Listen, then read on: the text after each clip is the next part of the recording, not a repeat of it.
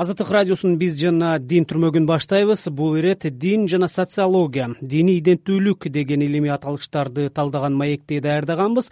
Деги социологдор дин деген түшүнүккө эмнелерди камтыйт. Иденттүүлүк дегени динде канчалык маанилүү. Кыргызстандагы азыркы диний абалды социологиялык талдоо менен кантип сүрөттөсө болот бул темада кыргыз социология ассоциациясынын вице президенти бишкек гуманитардык университетинин социология кафедрасынын доценти бактыбек малтабаров ойлорун бөлүшөт. Аны эксперт канатбек мырзахалилов кепке тарткан. Биз жана дин. Биз жана дин эми акыркы жылдары мына иденттүүлүк маселеси актуалдуу боло баштады да. Анан социологдор талдоо жүргүзө башташты. Иденттүүлүк деген бул өзү окшош ошо сыяктуу деп которулат экен латын тилинен биз болсо кимдик деп котордук э, себеби ар бир инсан өзүн бир социо маданий топто өзүнүн ким экенин ошо салыштырып билет экен да. Бул улуттук кимдик диний кимдик жарандык кимдик деп болуп социалдашып кете берет экен ал өзүнүн түрмөгүндө. Социологдор дин деген түшүнүккө эмнелерди камтыйт? Дин деген түшүнүктү социологдор теолог дин таанычылардан өзгөчөлөнүп булар дин менен коомдун ортосундагы мамилени карашат. Буларга жанагы ыйык нерселер өлгөндөн жашоо бар деген социологдорду ал маселени карашпайт. Булар азыркы күндө мисалы үчүн кыргызстанды алсак мисалда динчилдик жаштар арасында жалпы кыргыз республикасынын жашоочулары арасында динчилдиктин деңгээлин аныктасак болот э, дин менен болгон мамилелерин э, диний уюмдар менен бири бирине мамилелерин жана э, бийлик менен мамлекет менен диндин ортосунда мамиле каралат да. Ушул бийлик менен диндин ортосундагы мамилелер бүгүнкү күндө кандай? Баягы изилдөөнүн э, жыйынтыгына карасак мамлекет диний уюмдарга шарт түзүп берип атат. Өзүнүн иш чарасын алып барганга. Э, деген көпчүлүгү жүздөн отуз беш кырк бир пайыз айтып атат. Дин мамлекеттин ишине киришип атабы деген маселеде андан эки эсе аз болуп калып атат. Э, бул жерде эми жанагы конституция боюнча биз мамлекетти светтик ошондуктан мамлекет дин бөлүнгөн. Анан экөөнүн ортосунда мамиле демократия өлкөдө дин өзүнчө өнүгүш керек. Бирок э, экөөнүн ортосуна кытай дубалын коюп койсо болбойт. Э, дин өзүнчө мамлекет өзүнчө дегенге себеби ошо динде иштеген дагы динди туткан дагы мамлекеттин жараны болот да. Бул жерде экөө айкалышып кетишет. Мына сиздердин изилдөөңүздөрдүн алкагында мамлекет өз жарандарына динди карманууга аны эркин тутууга диний көптүрдүүлүккө шарт түзүп бердиби? Ооба шарт түзүп берип атат. Кмш мамлекеттеринин арасында эң либералдуу мыйзам деп бул кыргызстанды деп карасак болот. Себеби баары эле диний уюмдар эч кандай кысымсыз эле токсон токсон биринчи жылдан бери эле көз каранды чыккандан бери өз багытында өнүгүп атышат. Социология илиминде диний иденттүүлүк кандай шарттарда аныкталат анда? Социологдордун арасында бул э, алгачкы болуп э, бул дин иденттүүлүк диний кимдик изилдөөнү бул профессор хусейин исаев жамааты анда жалпы жарандык иденттүүлүк маселеси деген э, бир долбоор болуп аны мамлекет каржылап жана кыргыз түрк манас университети дагы каржылап ошонун базасында жалпы республика боюнча эки миң адам суралып э, ошол жерде социо маданий иденттүүлүк э, жарандык жалпы жарандык иденттүүлүк диний иденттүүлүк тил маселелери улут маселелери комплекс түрүндө каралып чыккан да.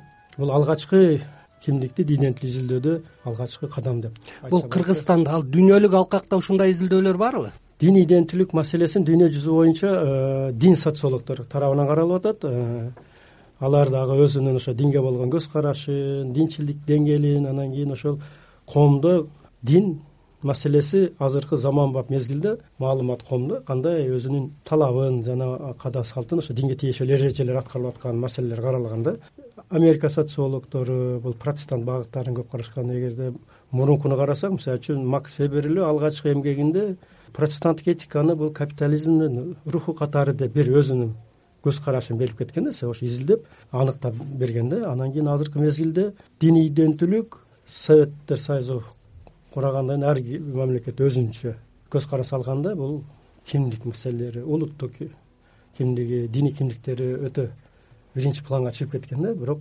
социологдор атайын мамлекеттик программа аркылуу бул маселени жылга карай турган шарт жок. Биз жана дин эгерде социологдор атайын мамлекеттик программанын алкагында ушундай изилдөөлөр жүргүзсө анда мамлекеттин заказын аткарып бул эркин болбой калбайбы? Жок эми мындай да. Мисалы үчүн азыр мамлекет тарабынан билим жана илим министринин астында илим багытында долбоорлор бар да. Ошол долбоордун алкагында мисалы үчүн мамлекеттүүлүк маселеси. Ал жерде мен бир өзүмдүн багытым ислам дини мамлекет бекемдөөдө орду деген бир багыт кылып изилдөө кылдым да. Ал жакта мисалы үчүн эч кандай мамлекет тарабынан рецензия алып киришкен жок силер буну кылгыла аны кылгыла деп. Алар долбоор конкурс жарыялат ошону уткан команда ошо өзүнүн алкагында багытында иштей берет. Кыргызстандагы диний иденттүүлүктү аныктоого эмне жана кандай процесстер түрткү болду да? Өзү кимдик иденттүү маселе бул психологдор баштап анан кийин социологдорго өтүп кеткен анан кийин орус социологдору дагы токсон биринчи жылдары баштап диний эмес ал иденттүүлүк кимдик маселени жалпы карап кеткен да бул ядов ошо социалдык иденттүүлүк деген китеп жазып ошо изилдөө болгон дробижева дробиже өзү э, бул улут маселеси этно социология тармагында иштеп жүргөн социолог да анан бул дагы ошол тармакта кетип атып иденттүүлүк э, этникалык иденттүүлүк маселесине өтүп кеткен да анан кийин өзү дин маселесин карап аткандан кийин анан кийин ошол иденттүүлүктү жалпы жарандык иденттүүлүктү карап атканда мен ошо диний иденттүүлүктү карап көрөйүн кандай маселе бар экен дагы эмнелерди аткарыш керек дегенде эле бул илимий кызыкчулук болуп эле ушул тармакка өткөнбүз да. Анда мына диний иденттүүлүктү аныктоодо жападан жалгыз окумуштуу катары эсептелип мүмкүн да кыргызстанда. Жок эми жападан жалгыз дегенге болбойт себеби кыргызстанда иденттүүлүк маселелерин э, социолог галина горбарукова тарыхчы занин курмановдор дагы бир долбоордун алкагында чоң изилдөөгө карап кетишкен дагы ошол жерде да дин маселеси да бар да. Алар деле ошо дин иденттүүлүк караган деп эсептесе болот. Учурдагы кыргызстандагы диний абалды социологиялык талдоонун негизинде кантип сүрөттөп бере аласыз? Эки миң он тогузунчу жылкы январь айында алынган стат маалыматка карасак э, жетимиш үч жарымы бул кыргыздар он төрттөн он төрт бүтүн жетиден он өзбектер алтыдан бүтүн бештен орустар анан ноль бир ноль тогуз бир пайызга жетпеген бул башка улуттар болуп кетет.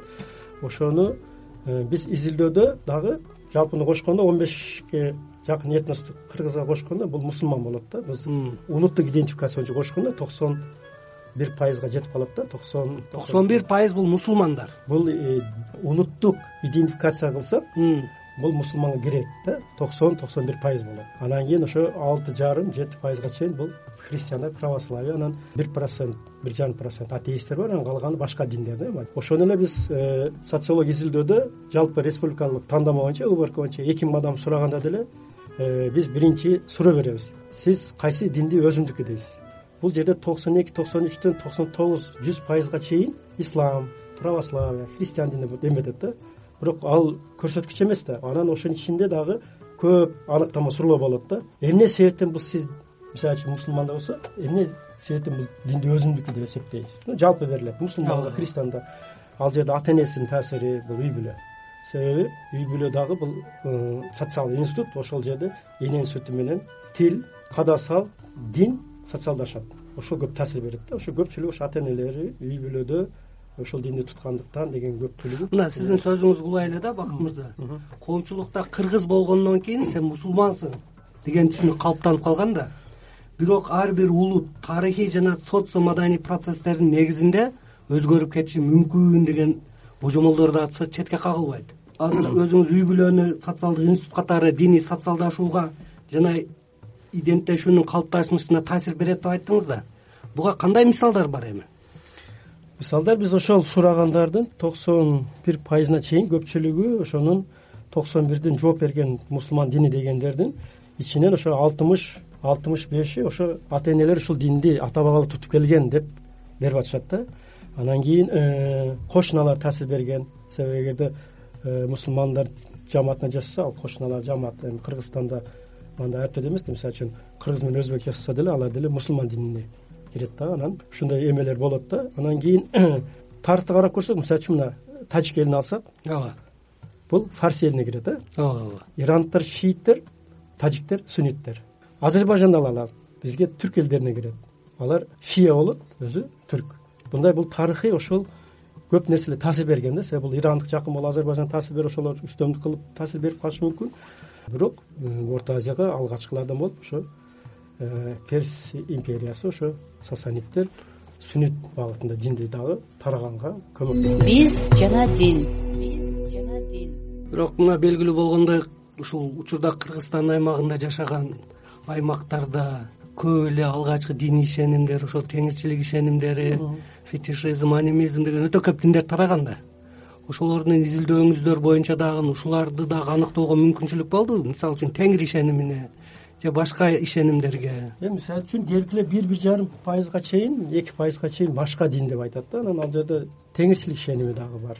Ноль бүтүн бештен он пайызы ошо теңирчилик деп айтып атышат теңирчилик ишеним себеби көчмөн эл болгондон кийин байыркы динин дин формалары дагы ошо ислам динине сиңип кеткен дагы анан кийин кээкилер ошо ислам диндин эмеси деп карашат да окшойт же ошо эрежесин жакып берет бирок азыркы мезгилде э, радикалдашкан исламдар бул э, жанагы консерваторлор э традициялык исламга анан алар бида деп кой жаңылык кирген бул исламга тиешеси жок деп да коомдо ошондой кээ бирки келикпештес да болуп атат айтсаңыз мына этно конфекционалдык талдоонун негизинде өлкөбүздө жашаган турдуу улуттардын кайсы дин ишенимге таандык экендигин аныктоого мүмкүнчүлүк барбы өзүңүздөр жүргүзгөн бир изилдөөлөрдүн алкагында мисал менен айтып бере аласызбы ушуну бул болот.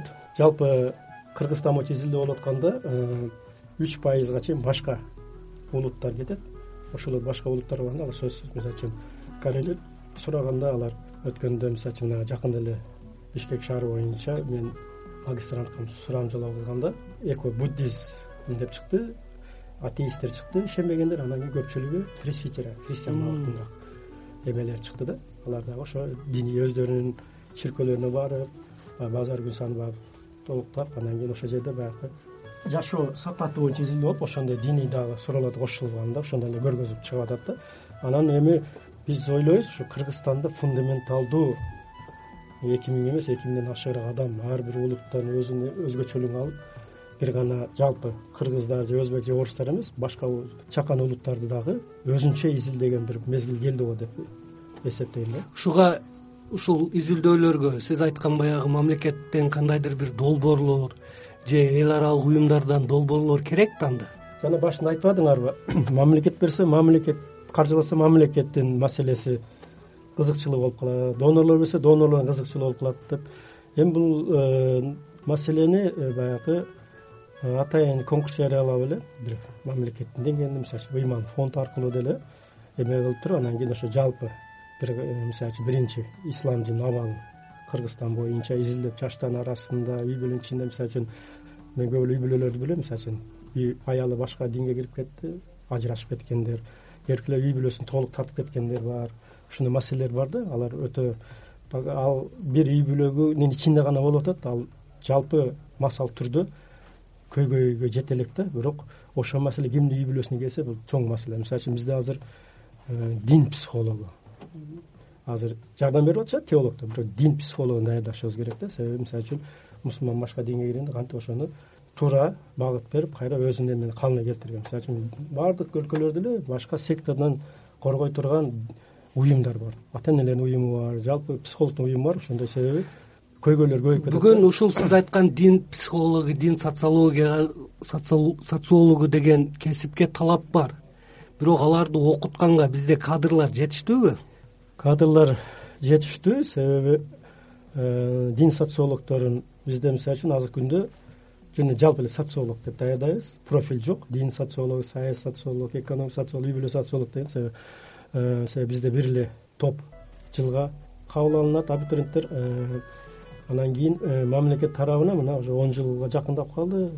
Гранттык орун жок ошондуктан э, гранттык орун жок болгондо конкуренция болбойт. Конкуренция болгондо баягы жүз он баллдан келгендер э, билим сапаты жүз он болгону менен алар менен өтө алдыга кетип калыш көп изилдөөнү жасашка мүмкүнчүлүк азыраак болуп калат да. Айтсаңыз эми этникалык азчылыктардын тутунган динине карап мамлекеттик жарандык иденттүүлүккө же жакын же алыс болгондугун кантип билсек болот эми бул үчүн ар бир э, индикатор менен изилдеш керек. Э, улуттук азчылыктардын өзүнүн кайсы дин тутат кандай деңгээлде диний эрежесин даражасын деңгээлин аныктап анан кийин э, бул эми жанакы майдаланып майдаланып жалпы жарандыкка зыян келтирбеш керек да. Жарандык иденттүүлүк бул эң жогору турган мамлекет деңгээлинде турган ар бир инсанга тиешелүү бул жаран. Христиан болобу мусулман болобу башка дин өкүлү болобу ал ошодон бийик турган улуттун үстүндө турган диндин үстүндө турган тутум да.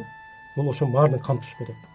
Бул биринчи орунда ошон үчүн кыргыз жаран деген түшүнүк пайда болуп мына этникалык концепцияда каралып атат. Анан кийин мисалы үчүн азыр биз ошо ошо концепция чыккандан бери биз башка улуттарды улут деп карабай калдык этнос деп карап калдык. Кыргызстанда бир эле улут бар. Бул кыргыз калгандары жүз сегиз этнос деп айтабыз мен эки миң тогузунчу жылы атайын отуруп алып санап чыктым кыргызстанда сексенден ашык улуттар этностор жашайт деген ошону бир текшерип көрөңүз эметсем жүз тогуз этнос болуп чыгышты да.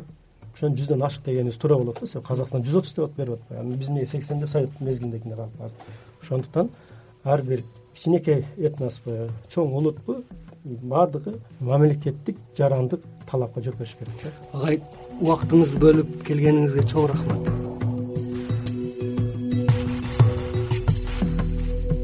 азаттык радиосунда биз жана дин түрмөгү болду. Социолог бактыбек малтабаров менен эксперт канатбек мырзахалиловдун маегин уктуңуз